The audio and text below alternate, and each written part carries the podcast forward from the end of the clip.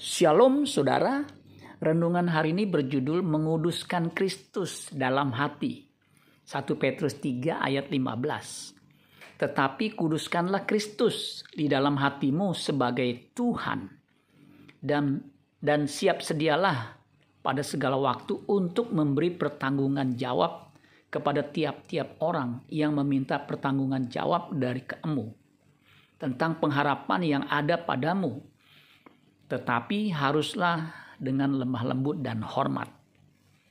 Terjemahan bahasa Indonesia masa kini 1 Petrus 3 ayat 15 dikatakan, "Tetapi di dalam hatimu hendaklah kalian memberikan kepada Kristus penghormatan yang khusus yang sesuai dengan kedudukannya sebagai Tuhan.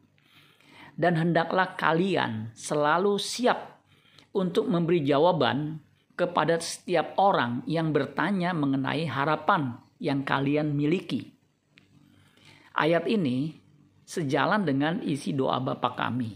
Matius 6 ayat 9. Karena itu berdoalah demikian, Bapa kami yang di sorga, dikuduskanlah namamu.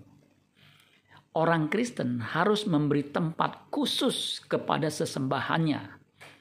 Tuhan Yesus harus menjadi satu-satunya Tuhan dan tidak ada majikan atau tuan lain dalam hidup kita selain dia. Matius 6 ayat 24 dikatakan, tak seorang pun dapat mengabdi kepada dua tuan. Karena jika demikian, ia akan membenci yang seorang dan mengasihi yang lain. Atau ia akan setia kepada yang seorang dan tidak mengindahkan yang lain.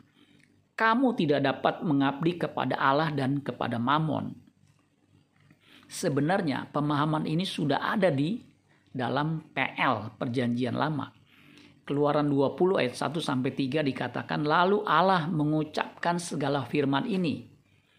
Akulah Tuhan Allahmu dan memba yang membawa engkau keluar dari tanah Mesir, dari tempat perbudakan. Jangan ada padamu Allah lain di hadapanku. Orang Kristen yang mengerti kebenaran ini tidak akan menyisahkan sedikit pun berhala di dalam hidupnya. Berhala berupa apa pun tidak boleh ada dalam hidup orang Kristen. Hanya Kristus satu-satunya Tuhan bagi kemuliaan Allah Bapa. Amin buat firman Tuhan. Tuhan Yesus memberkati. Sola Gracia.